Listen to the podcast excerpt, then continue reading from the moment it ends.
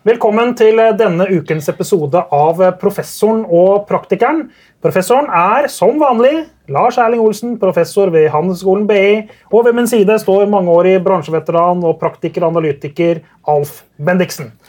Og I dagens episode så skal vi snakke om mediestrategi og medietrender.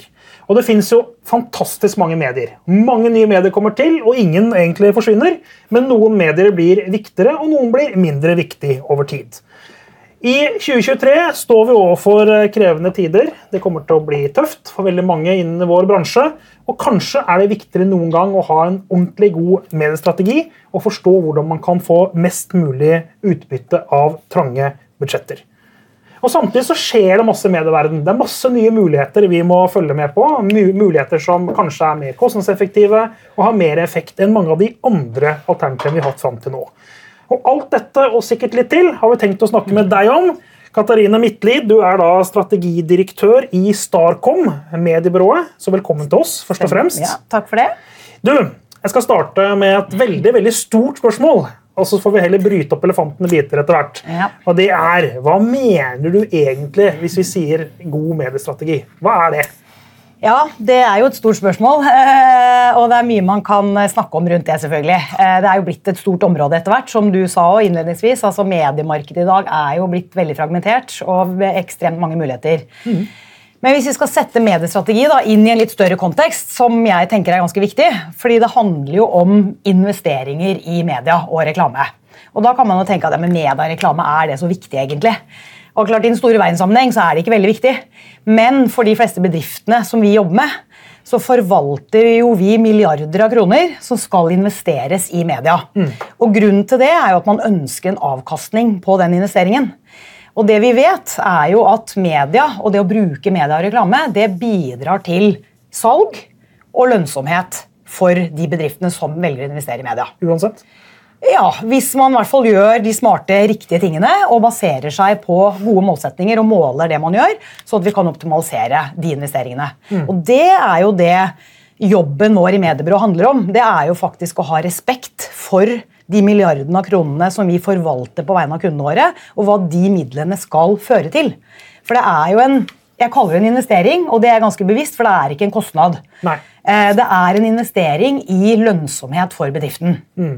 Men det er vel ikke slik det alltid blir behandlet i annonsørens siden? Nei, nei, det er helt riktig. Det er et godt poeng. og Det, er klart, eh, det merker vi jo sånn som nå, når tidene blir litt tøffere. Eh, kostnadssiden hos mange kunder øker. De er nødt til å redusere sine egne kostnader. Og da er det jo mange, i hvert fall kanskje spesielt i toppledelsen, som ser på medieinvesteringer i markedsføring som en utgiftspost og ikke som en investering. Men det er jo bevist at investering i media det er lønnsomt. Altså Én investert krone i media gir tre til fire kroner tilbake i avkastning. Mm. Så det er lønnsomt. Og, 3 til 4 kroner, ja. Såpass. Så det, er, ja det er en veldig bra investering. Det er veldig bra investering. Bedre enn aksjer, det. Ja. Eh, sånn at det, det, og det har jo vi veldig respekt for i mediebyråene. At vi skal være en bidragsyter i bedriftens lønnsomhet. Mm. Og så er media en liten del selvfølgelig av det. For det er mange andre ting og andre virkemidler bedriften bruker. Men media er én innsatsfaktor som skal være med på å skape bedriftens lønnsomhet. Men jeg må jo spørre dumme spørsmål da. Hva, mm. hva er forskjellen på god og dårlig mediestrategi? da? Eh, nei, da tenker jeg at som sagt, da, Vi må ha respekt for de pengene vi investerer for, på vegne av kundene våre. og Da må vi vite hva som fungerer. Ja. Og det betyr Men det er, ikke, er det universelt svar på det? da? Eh, ja, det fins jo faktisk en del grunnprinsipper da, som eh, vi vet eh, over mange års med forskning, måling, dokumentasjon på hvordan kommunikasjon fungerer, hvordan media fungerer. Så vet vi jo ganske mye faktisk om mm. hva er lønnsomt, hva må vi gjøre, hvilke virkemidler skal vi bruke, hvordan setter vi sammen en mediemiks. Hva er de tre-fire viktigste grunnprinsippene? Altså, hva er det jeg skal skjønne? Ja, eh, ikke sant? Så er det liksom helt basic, liksom. Ja. ja. Nei, det er jo noe med å faktisk forstå hvordan kommunikasjon påvirker mennesker. da, og ja. også mennesker, ikke sant? Hvordan er forbrukeratferd, hvordan fungerer mm. hjernen vår, hvordan tar vi til oss kommunikasjon og reklame. Mm. Eh, og, så bruke mediene på riktig måte. Også, ja, så bruke ja. mediene på riktig måte. Mm. Og det er klart, det har blitt mer komplekst enn det var før. Før så kunne du kjøre en TV-kampanje eller en avisannonse, så hadde alle i Norge fått med seg den. Sånn er det jo ikke lenger. Mye mer komplekst, mediebruken er mer fragmentert. Og da må vi vite enda mer om hvordan skal vi da klare å treffe mange nok mennesker for å skape den lønnsomme veksten for de bedriftene da, som vi jobber med, og de merkevarene vi jobber med. Mm. For vi må nå ut til mange nok. Det er jo det massekommunikasjon handler om. Og der er jo media, betalt reklame, et av de mest effektive virkemidlene man har til å nå ut til brede målgrupper. Jeg trodde det var influensere som var greia. Det kan være en viktig del av en medstrategi. Det kan brukes som massekommunikasjon også, avhengig av hvordan vi bruker det. Altså, hvis det bare er influensers egne kanaler, så er det ganske smalt, men kan være veldig relevant hvis, avhengig av hvilken kategori du er i. er tatt for meg influensere. Vi kan- ja, dere så, så er vi er jo vi er klare for litt investeringer, vi, altså. Det er ikke våre øyne, da, men det er en, i en influensers øyne. Influensere Ja. også at vi var influensere, så da vi, Ja, ja, vi dere er jo altså. sterke profiler innenfor deres fagområde, og det kan ha en veldig høy verdi. Hva er verdien sånn for oss? Bare Vi kan ta det etterpå. Ja. Men, jo, jeg bare, det var jo enklere før. Altså, Ja. Hvis du går tilbake til 90-tallet. Mm, mm. Vi fikk jo TV-reklame først da, så Ja. vi har ikke lang erfaring med det. Men det som da var Norges beste reklamebyrå, JBR, de hadde jo følgende eh, mediestrategi. Den, den het Kondom, og det var konsentrasjon og dominans. ja. Og eh, det vil da si en hel side i VG og Aftenposten. ja. Eh, Og det var, det var ingen som sa dem imot på det. Nei. Nei. Det er, litt, det er blitt litt mer sofistikert. Ja, det, det er jo det. Det er blitt mer sofistikert fordi vi vet mer og kan mer. Og mulighetene er også blitt fantastisk eh, mange. Eh, Men det er klart det gjør det også mer komplekst. Og det er jo blitt mer kostbart også ja. for kunder i dag å kjøre markedsføring og, og, og investere i media. Fordi man må benytte flere mediekanaler, ulike plattformer. Du må ha innhold som er tilpasset de ulike plattformene osv. Så. Eh, så Så mer komplekst og mer kostbart, men samtidig så ser vi jo igjen da at eh, avkastningen øker faktisk. altså ROI-en på medieinvesteringer den har faktisk økt de siste årene. Og det er fordi vi har blitt enda mer sofistikerte, flinke til å måle de riktige tingene og ha fokus på de riktige tingene. Som er så spørsmålet er den blitt bedre, eller er det blitt bedre måling? da? Ja det, ja, det er vel ja, begge deler, antagelig. Men det er klart vi har jo hatt noen år hvor man også så på en måte ROI-en gå ned. Okay, ja. Og det var bl.a. sammenheng med inntreden av digitale plattformer for fullt. Eh, hvor man kanskje gravde seg litt for mye ned i en del digitale kopier som egentlig ikke skapte de store verdiene. Eh, men vi nå har blitt mer erfarne. Var det fordi han ble så fascinert av datamulighetene? Ja, er det sånn ja, ble? At han ble- så kult, så jeg kan gjøre litt enda mer? Ja, Liksom. ja. Og så begynte man å putte, kanskje å eksperimentere litt for mye. rett og slett. For det er jo det markedsføring handler om. at Vi må jo evne å vite hva som fungerer. Legge mesteparten av pengene våre i det vi vet funker. Og så må vi samtidig teste ut nye ting. Ja, Men det er klart hvis du legger for mye og tester ut nye ting, som kanskje ikke gir den verdien du trenger, så blir eh, avkastningen ganske dårlig. Mm. Men der har man på en måte kommet seg litt ut av den der digitale startgropa og blitt også mye mer flinke og profesjonelle der da, til å bruke digitale kanaler eh, smart. Mm. Som har gjort at faktisk eh, ja, heroin har økt igjen, og vi får me- enda mer igjen for pengene. Men du, jeg lurer på en ting. Eh, nå har vi snakket litt sånn om mediestrategi, og så har du snakket om markedsføring, og du nevnte forbrukeratferd i stad. Eh, Mm. Ja. Kanskje det er litt sånn spørsmål for dummies, da, men jeg kan godt være en dummy i denne den settingen her. Hva er forskjellen hvis du prøver å sammenligne markedsstrategi, kommunikasjonsstrategi, mediestrategi? Er det same shit, eller er det Det er jo ikke ting, det eller? samme, men mediestrategi er jo en del, altså kommunikasjons- og mediestrategi eh, er jo, bør være en del av markedsstrategien, eller er en viktig del av markedsstrategien for veldig mange kunder. Mhm. Eh, Fordi det handler om hvilke virkemidler bruker man i, i marketingmiksen sin. da. Nettopp. Og, og der er jo da reklame, kommunikasjon, media ofte et viktig virkemiddel. hierarki. Det er et Markedsaktiv på toppen, og så ja. man tar den ene P-en som handler om kommunikasjon, Ja, så kommer vi helt riktig. Helt Og det må riktig. henge sammen. Det må henge sammen, og Ja. det er kjempeviktig. Så vi som rådgivere må jo evne å sette mediestrategien inn i den sammenhengen. Hva skal vi bidra med, hva skal media bidra med inn i å nå eh, målene i markedsstrategien? Ja. Som er knyttet til forretningsmålene. Er alle kunder like flinke til å tenke sånn, eller? eh, Altså, jeg høres veldig sånn skoleriktig ut, det du sier nå, men jeg, jeg er ikke sikker på om jeg tror på deg helt. Nei, jeg opplever jo at eh, Ja, jeg opplever at de fleste kunder er ganske flinke på det, og har blitt veldig mye flinkere. Fordi alle er blitt flinkere, og man har fått mer fokus på tross alt da, å måle også det vi gjør. For det er klart at igjen, En markedsavdeling i dag forvalter jo øh, store budsjetter. Og, og da må vi jo evne å liksom ikke være bare klovner med penger. Vi må jo kunne bevise litt hva, hva de investeringene fører til. Og det har markedsavdelingene blitt veldig mye flinkere til.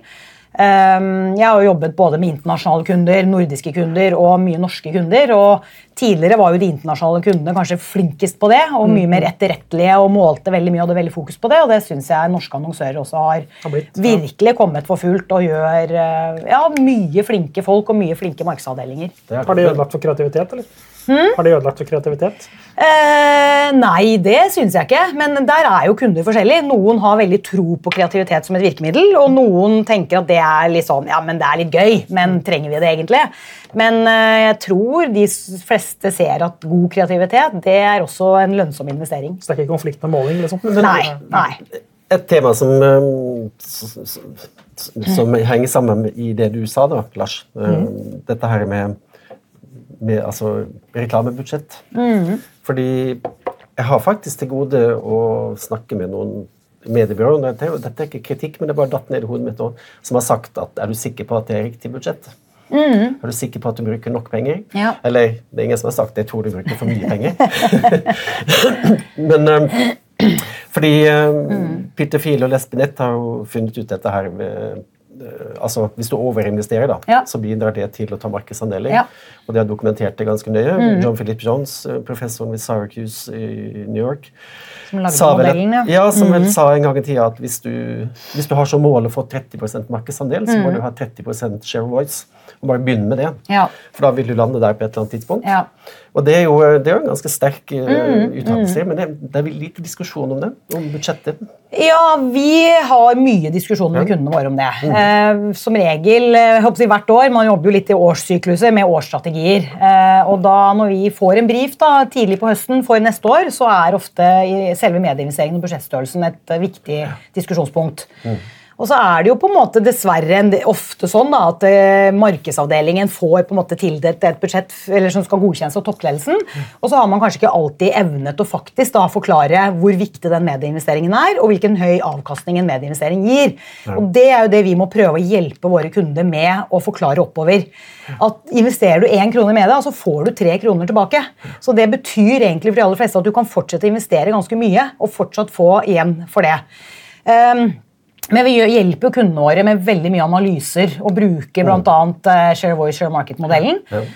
til det. eh, for å, bidra inn med god argumentasjon da, på hvorfor man bør investere et fornuftig nivå da, for å skape vekst. For det er jo sånn at Vekst kommer jo ikke av seg selv. Du må investere for å få vekst. Og Det er jo på en måte det vi må hjelpe markedsavdelingen med å eh, finne gode argumenter for. da. Fins det noen kunder som bruker så lite at de kunne egentlig bare kutta ut? Eh, ja, det gjør det jo. Og det fins også de som Bare kanskje nevn bruker for mye. er ingen som, ingen som hører oss. Nei, men jeg hadde, en, jeg hadde en, en liten søt kunde da jeg var i byrå for veldig mange år siden. Liten, søt kunde. Ja. Jeg vil det, jeg kan, det er ikke noe poeng å si hvem det er, for Nei. det fins ikke lenger. Men, og jeg sa til dem at det, det kan bare kutte ut reklame, for det, punkt én, det er for lite penger. Og jeg vil, heller, jeg vil heller, heller anbefale dere å kjøpe nye kleshenger til alle butikkene. Ja, For det ser ja. ikke ut. Mm, og de, de gjorde det, da. Ja. Men det var litt rart råd, egentlig. Men, øhm, men, men er det noen har dere den typen diskusjon med oppdragsgivere der dere blir bedt om Hva burde budsjettet ha vært, da? Ja. Ja. Det spørsmålet får vi faktisk ganske ofte. fordi Markedsavdelingene syns jo også noen ganger det er vanskelig å vite hva er det optimale budsjettet. Og hvordan skal jeg også bevise overfor ledelsen min hvor mye penger jeg trenger. Så ja, så vi har mye, ganske mye diskusjoner på det, hvor vi ser på selvfølgelig markedsutvikling og trender og konkurransesituasjonen og hva vi mener det krever. da. Og igjen så må vi jo da ha dokumentasjon i bånn. Ja. Og kunne si at ja, men hvis du investerer så mye, så skal det bidra til at du får så mye igjen. Derfor har jeg vært ute hos fire mediebyråer nå siste Mm. måneden. Og oppdragsgiveren har sagt at vi skal ha en vekst i år på 40 Ja. Men det er ingen mediebyråer som har sagt at eh, da bruker dere altfor lite penger. Ja. Nei, men det kan eh, Jeg vet ikke, jeg. Det, Kan godt hende at de bruker nok, altså, Ja, det det. ja da, det kan være. Men jeg opplever som sagt ofte at vi har, får spørsmål, direkte spørsmål Mm. om det fra kundene, og vi har gode diskusjoner. Og vi utfordrer veldig ofte kunden på det. Når vi får en brief, så må jo vi se på er disse målsetningene realistiske. Og da er jo budsjettet inn i, er jo en viktig faktor inn. Så veldig ofte har vi diskusjoner på det. Er målet realistisk? Kan vi oppnå dette her med det budsjettet du har? Mm. Eller må vi sånn, hvis du ikke klarer å få mer penger, selv om du burde hatt det, da må vi se hva vi kan få til med de budsjettene du har. Det er jo ofte sånn det blir. Det sånn det blir. Man har en pott med penger, og, og det igjen skal vi ha veldig stor respekt for. Men da må vi ha god dialog med kunden på men hva tror vi da er mulig å oppnå med de pengene vi har, og hvordan investerer vi de smartest mulig. Altså Strategi handler jo om å prioritere. Ja, da må vi også prioritere vekk noe. Og det må vi jo da evne å hjelpe kundene kanskje med å gjøre. Og noen ganger si at ja, men kanskje ikke du skal bruke dette her i reklame, kanskje du skal bruke det på noe annet. Eller ja, men da må vi konsentrere oss om en mindre målgruppe, eller en tid på året, eller finne smarte ting vi kan gjøre for å prioritere innenfor de midlene vi har. Da. Apropos da prioritering. eh, hvordan tenker dere forskjellen på liksom lang sikt, kort sikt? Er det liksom eh, hva jeg kaller Ja. det for? Det er long and the short of it? Ja, er det? Field og Vinette som er mantra og ledestjernen deres? Ja, eh, og jeg opplever jo igjen at de fleste kunder også tror på det. De fleste kunder skjønner og forstår og har opplevd selv at det tenker de langsiktig, jobber de med litt mer langsiktig merkevarebygging, så gir det også en høy avkastning. Både på kort og på lang sikt. Men så er det ofte den vanskelige internpolitikken mm. i at det er noen internt, salgsavdelingen, toppledelsen eller hvem det er, som forventer at ja, men vi må få opp salget i morgen. sant? Ja, Ja, mm. vi har noen kvartalsmål.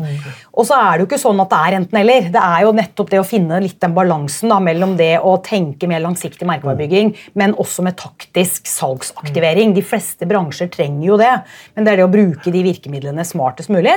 Og så igjen har vi jo masse dokumentasjon på at man bør i hvert fall investere mest i det langsiktige og mindre i det kortsiktige, men å få de to tingene til å fungere sammen. Hvordan er trenden sammen. på det? da? Fordi at for noen, få- altså det er for meg snakket litt om dette her tidligere, og For noen år siden så var det voldsomt sånn performance-fokus og Mm. Ja. veldig, veldig taktisk operativt. da. Ja, Litt ja. sånn drevet av at nå skal alt digitaliseres også på mediesiden. Ja. Men merker dere nå at Mm. pennen svinger litt? At det er mer langsiktig fokus? eller? Ja, jeg syns det. Både også fordi man har kommet seg en måte, endelig litt ut av den der digitale startgropa hvor vi liksom, man gravde seg litt for mye ned i kaninhullet med alt som var mulig å skru på, og klikk og trafikk og engagement rates på Facebook. Dritkjedelig. Nei. Ja. Ok, det var personlig Det, mening. blir veldig, det ble jo veldig fort litt sånn Mickey Mouse-kopier, da, som jeg liker å kalle det. ikke sant? Eh, Det er ikke det som egentlig bidro til reell forretningsvekst. da. Så det har man jo liksom, vi har kommet liksom godt forbi det. Og det har også gjort at man har kommet seg litt ut av liksom performance marketing, eller hva man velger å kalle det. da. For meg så er det jo salgsaktivering Ja. som er viktig, men det er ikke der, altså vi kan ikke legge alle pengene våre der. Da, da tømmer du den vanndammen ganske fort for kunder, da, hvis du bare skal snakke til de som er i markedet akkurat her og nå. Så det handler jo om å fylle på i den dammen med nye kunder, og da må vi tenke bredere, vi må tenke mer langsiktig og mer merkevarebygging. En smart kunde av meg som sa til meg en dag, Mm. han ser sikkert på, men han sa det er ganske lurt å kalle det for performance. da. For det, for det sier jo implisitt at Ja. andre ikke er det. Ja, ja, ikke det er ganske drøyt. Ja, og det, bruker vi liksom, vi bruker uten å tenke oss om. da. At det ene er kan si, men performance, andre er det ikke. All markedsføring er jo egentlig performance. Vi skal jo få en annen avkastning. Vi skal få et resultat. Så Derfor så er det jo mer ja, det er langsiktige og det er mer taktisk salgsaktiverende aktiviteter er bedre å snakke om, syns jeg. da. Men dette med det Mm. lange short of it, da, som der tommelfingerregelen er 60% long og 40 short. Ja. Eh, Vi hadde en sånn diskusjon med mediebyråer nå og utfordret dem på hva burde det være. da. Ja. Uh, og da, had, Mm. da kom byrået tilbake med en anbefaling. Er 38 62. lang. 38 lang, og, og eh, hva blir det andre, da? Eh, Ja, nå må du regne fort. Ja, ja. 62 short, da. Riktig. Ja, ja. Nei, ja, short. Ja. Så, men dette, mer ja, på det kortsiktige. Ja, Ja. ja. Men de, de, hadde, de hadde et godt resonnement. Jeg bare synes det var, det var interessant å ha Ja, den det diskusjonen. jo, ja, ikke sant, det er jo det. Og så er jo jeg er ikke altså Jeg liker godt eh, teoriene og forskningen bak det, og det skal vi jo forholde oss til, for det er godt dokumentert. Mhm. Men om tallet er 60-40, eller sant, det er jeg ikke så opptatt av. Eh, fordi vi vet at det er litt forskjell også på bransjer, hvilken situasjon merkevaren er i. Sånn at den splitten må vi jo evne å liksom klare å finne. Og Forskning er alltid sentralteorem. vet du. Det er alltid det gjennomsnittlige. Ja, det betyr ikke at det nettopp. alltid stemmer. Det Nei, fins varians nei, rundt Det finnes i snitt. varianser, og jeg Men- tenker Prinsippet handler om at mm, for de aller fleste så løn, det er mer lønnsomt å legge større deler av budsjettet på det langsiktige. Det er liksom prinsippet for meg. da. Det er grunnregelen, ja. Det er grunnregelen, om Men, det er 60 men nå er jeg ferdig, da? eh, Gjør dere da salgsmodellering for å liksom få fasiten? Det er jo veldig forskjellig eh, fra kunde til kunde også, hva man gjør. Men det er klart vi er avhengig av ulike former for målinger for å måle ulike mål da, i, den, eh, i målhierarki eller trakta, eller hva vi velger å kalle det. Så det er alt fra merkevaretrackere, kampanjemålinger, salgsmodellering, ulike målinger vi gjør. Som vi da setter sammen for å prøve å gi et totalbilde. Og koblet da selvfølgelig med hva som skjer hos bedriften ellers. Så, så ja. Så det er en kombinasjon det er litt utfordrende ofte å kunne isolere dette. her da, og Ja. si at ok, det var medieplasseringen som ga dette, Ja, men ja. her var det faktisk at det var en produktutvikling av ny smak. Ja. Det er ikke lett Det bestandig. å er ikke lett. Nei, det er ikke det. Og det er klart En salgsmodellering evner jo å skille faktorene litt fra hverandre, men den, Gode salgsmodellering gjør det. Ja. Jeg vet ingenting om deres, Nei. men det fins mye dårlig salgsmodellering. Det gjør det, og så er det jo viktig å huske på igjen at salgsmodellering måler jo i all hovedsak kortsiktige effekter, til dels mellomlange effekter, er men ikke de lange. Det, ikke sant? Sånn at Du har jo skjevheter der også. eller Vi må evne å bruke salgsmodellering på riktig måte. Mm. Kan du si litt litt hva det er til de som ikke vet? Sånn som meg. Eh, ja, det er jo nettopp, det handler jo om å forsøke å Regresjon, isolere effekter. Ja, jeg er ikke veldig eh, i dybden på det selv, jeg heller, men jeg bruker det jo på vegne av kundene mine og klarer å lese og forstå hva det betyr på top level. Men det handler jo om nettopp å se hvilke innsatsfaktorer. Eh, ah, ikke sant? Om det er produkt eller pris eller distribusjon eller reklame. da. Hvor Hvilke av de faktorene, ja, hvor kommer veksten fra? Og det er jo aldri sånn at det er én av de heller. Det er jo flere Det er faktorer. kombinasjonen, og det er det som er problemet med, med salgsmodellering. Alf, skal jeg lære deg et lite ting. For det med salgsmodellering er jo det er multiple regresjon, sånn basically, i bånn. Problemet er Mm. at det som påvirker, ofte samvarierer. Ja, Og ja. det å ha kontroll på statistiske samvariasjonen mellom innsatsfaktorer, det er ikke statistisk sett så alltid så enkelt. Mm. Nei. Og dårlig salgsmodellering hopper liksom over de problemene. God salgsmodellering med gode statistikere skjønner det som er et problem, men det gjør også at det griser til dataene. Ja. Ja. Det var kortforklaringen. Ja. Og Derfor så er det veldig forskjell på god og dårlig salgsmodellering. Mm. Eh, og selvfølgelig forskjell på hva man har data på. Ja, fordi- så det er mange Ja. faktorer dette her. da. Ja. det, er, det, er, det er er komplisert, men har, det som jeg har sett noen ganger, da, er at bra. salgsmodelleringen har ikke ført til at man har gjort ting forskjellig. Man har, men man har fått en analyse og sett hvordan det er, og så har man fortsatt som før. Ja, Og da er jo ikke verdien så veldig stor. Da er ikke verdien så stor, nei. Men da får det- data og ikke innsikt, som vi har snakket om. eh, Ja, ja, det er også forskjell på det, helt klart. Og igjen så må vi jo vi må på en måte evne å, å, å se på ulike typer målinger og ulike typer resultater. Og så må man ha gode diskusjoner rundt det. For det er jo ikke sånn at vi klarer å alltid sette helt konkret to streker under svaret heller. Nei. Men vi kan sannsynliggjøre ganske langt eh, hvilke effekter vi er i stand til å skape. da. Og da er kanskje diskusjonen viktigere enn dataene. Ja. Men vi må skifte litt tema. Ja. Medietrender 2023. Ja. Hva går opp? Hva går ned? Ja, det- Hvor skal det- jeg kjøpe aksjer? Det er jo egentlig ikke så veldig vanskelig å svare på, for det- de trendene har jo pågått over ganske lang tid. Ja. Og de trendene fortsetter jo. Okay. Og og de det er? er jo sånn da at uh, lineær-TV det fortsetter å falle og miste seere. ja. Eh, Så ser vi jo mer video og film enn noen gang før, men vi flytter jo det over på andre plattformer. ikke sant? Hvilke plattformer er det som Det er jo strømmetjenestene ja, som tar der, veldig mye. og innenfor der, det er Netflix er jo stor, selvfølgelig. det nå, NRK er stor. Ja, det, det er litt sånn skifte. da. Nå, Ja. nå har jo folk hatt veldig mange abonnementer i en periode. Nå ser man jo at folk også blir mer bevisst på pengebruken sin. Kanskje kutter noen abonnementer. Mm. Nettopp. Sånn at, eh, men, men det er klart, strømmetjenestene er jo Må man ha Paramount for å se Yellowstone, eksempel? Eller kan man? Nettopp. Nettopp, ja. Nei, men, og det Spør for en venn. ja, spør for en venn. Nei, men det er klart at vi mennesker liker jo å se på levende bilder og film og video, ikke sant? så vi konsumerer jo veldig mye av Så det. Så er, vi er flytta fra nær TV. ikke sant? Dette Ja. er jo en gammel trend. Ja, det er det. Så, og, og du kan si det Og det er jo skape en utfordring for oss som driver da med kommunikasjon og markedsføring, som trenger å plassere den reklamen et sted. Og da, vi, da mister jo vi en veldig viktig kanal. Ja, Produktplasseringer, da? Er ikke det løsningen? Ja, det er veldig Det er lite, da. Og du får ikke fortalt den samme historien heller. Og det, det, det har sine begrensninger da, ikke sant, i forhold til Ikke uenig i det. Men hva gjør vi når lineær-TV forsvinner? Nei, det er jo det, Nei, det, er egentlig det store Eh, forsvinner jo ikke med det første. Eh, absolutt ikke. Men det er klart, Radio er det fortsatt med, altså. Radio har jo holdt seg overraskende stabil ikke sant, gjennom eh, mange år. Eh, og så kommer jo podkast, som på en måte fyller ut radio ikke sant, med lydbilde, som jo vokser veldig. Ja, det gjør det. Ja, det Så gjør det. Vi er, vi er på en Ja, trend. ja, vi er riktig på trenden. Jeg hadde en Ja. interessant erfaring her for eh, ikke lenge siden. Eh, To fokusgrupper. En med 35 til 50, tror jeg det var, og en med 40 til 65, tror jeg. Mm. Ja. Noe sånt. Nei, ikke helt overlappende, da. Men den gruppa med de eldste de så på lineær-TV, og vi Mm. satt og diskuterte noen filmer. Den andre gruppa med de som var yngre, de så ikke lineær-TV. Men de hadde fått med seg alle de filmene vi snakka om. Ja. Alle reklamefilmene. Ja. Og da tenkte jeg, hvor har de sett det, da? Da er det YouTube og Mm. Ja, det er jo sånn at eh, mange reklamefilmer i dag eh, Vi viser jo det på andre plattformer, da, digitale plattformer. Det er jo mange muligheter etter hvert å vise reklamevideo også på digitale plattformer. Så det, og det må vi jo da gjøre mer og mer av.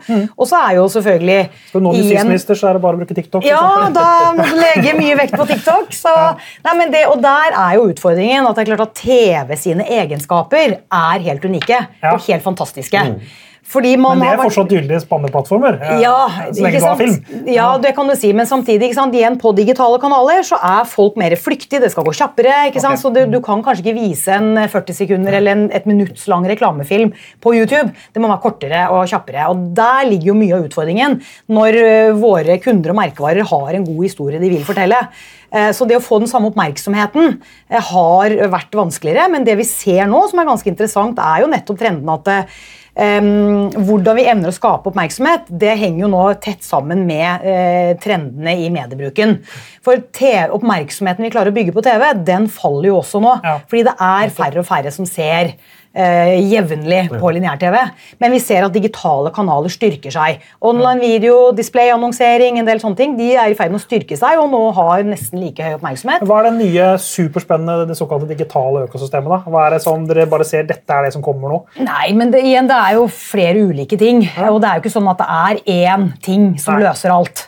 Eh, og det, ja, det, ikke sant? Så kjedelig, liksom. Det er litt kjedelig, men, men vi, ja, vi må jo evne å teste ut nye ting som kommer. Men, men igjen, det er jo de store, brede mediehusene der også som er viktige for oss. da, For å nå bredt nok ut. Og så ønsker man jo en viss kvalitet, en riktig kontekst ikke sant, i eh, den konteksten merkevaren din står i. Så det er jo en viktig faktor. Og der er det jo spennende debatter nå da, rundt rollen til sosiale medier og de globale plattformene og TikTok og, og den type ting. Personvern og Kina. Ja, ja. Så- Du, ja, men apropos det, Mm. altså For noen år tilbake så var vi veldig opptatt av å skille mellom betalte medier og egne medier. og Ja. Mm. fortjente medier, for det siste år. Hvordan Er den debatten levende, eller er den litt sånn død nå? Ja, jeg opplever ikke like mye sånn debatt eller fokus på det. Så er jo virkemidlene fortsatt der. Og det er jo igjen, det handler jo om en miks der også, og en balanse og hvor du legger ressursene som bedrift da, og merkevare. Um, men det er klart, eh, kundens egne kanaler er viktige. De er kommet for å bli. Eh, betalte kanaler ser vi jo fortsatt. Det var jo en periode noen år hvor man trodde det er med betalt. Ja, var det du fram til. Det var det som skulle slutte med det. Nå Ikke det sant, nå skulle slutte med betalt. Man skulle bare legge alle ressursene i å lage masse innhold på våre egne sider og bygge ja. Facebook-siden vår og apper og alt mulig. Og kundene kom strømmende til. Ja, Men det er jo ikke sånn. Det skjønner ikke. Nei. Eh, Og det er klart at eh, Egne kanaler har klart en viktig rolle. Eh, Og for mange så kan det ha en veldig stor rolle. men du slipper ikke unna på en måte betalt kommunikasjon. da. Det er jo det vi ser. Det er Fordi investeringen, vi ser at det fortsatt er lønnsomt. Og skal du nå bredt nok ut, evne å rekruttere nye kunder inn, som er den beste måten å vokse på, så må du ut i brede kanaler. Ja. Og det, ikke sant, det er jo det du mister med egne kanaler. Da snakker du i hovedsak til de som allerede kjenner deg eller kjøper deg. eller er medlem. med allerede. Og vi skal jo ta vare på de, men vi må også evne da å gå bredere ut. Og det er rollen til betalt kommunikasjon. Ja, så det er, ganske, det er egentlig det du sier er rolleforskjeller. Det er rolleforskjeller er riktig, ja. Men dette med altså segmentering og det å nå alle i kategorien, da. Ja. Fordi da jeg jobbet i byrå, så var det jo da, da var man veldig opptatt av å beskrive målgruppen, Ja, og ja. Mm. at det var alder herfra til dit, og de hadde sånne interesser, skrev lange avhandlinger, hvordan hun der Bente var, og hvordan, eh, hvilke TV-programmer hun så, og Mm. hvordan dagen hennes var. Men det var jo bare tøys. Ja. Iallfall i forhold til å utvikle kommunikasjon, men i forhold til medieplanlegging så er det jo helt avgjørende. Ja. Men, men dette her med håper jeg dekning og frekvens, da, Ja. det, er jo, det er vel kanskje en diskusjon man aldri blir ferdig med. Nei, eh, og der også syns jeg jo man på en måte har altså, Igjen da, mye pga. de digitale håper si, mulighetene som kom, og det digitale landskapet, så ble man jo veldig fokusert på hvor utrolig mye data vi kunne, og hvor utrolig personalisert vi kunne lage kommunikasjon og, og kjøpe media. Eh, og så ser vi jo det at vi må jo passe på at ikke det blir, at vi sitter igjen med en målgruppe som er så liten at eh, det monner ikke. ikke sant? Så for de aller fleste, altså Det er masse smarte datamuligheter eh, som vi bruker og skal bruke, men det er jo viktig å tenke på at vi må ikke segmentere oss i hjel. vi, vi bor jo i et lite land. Vi er fem millioner mennesker. Ja.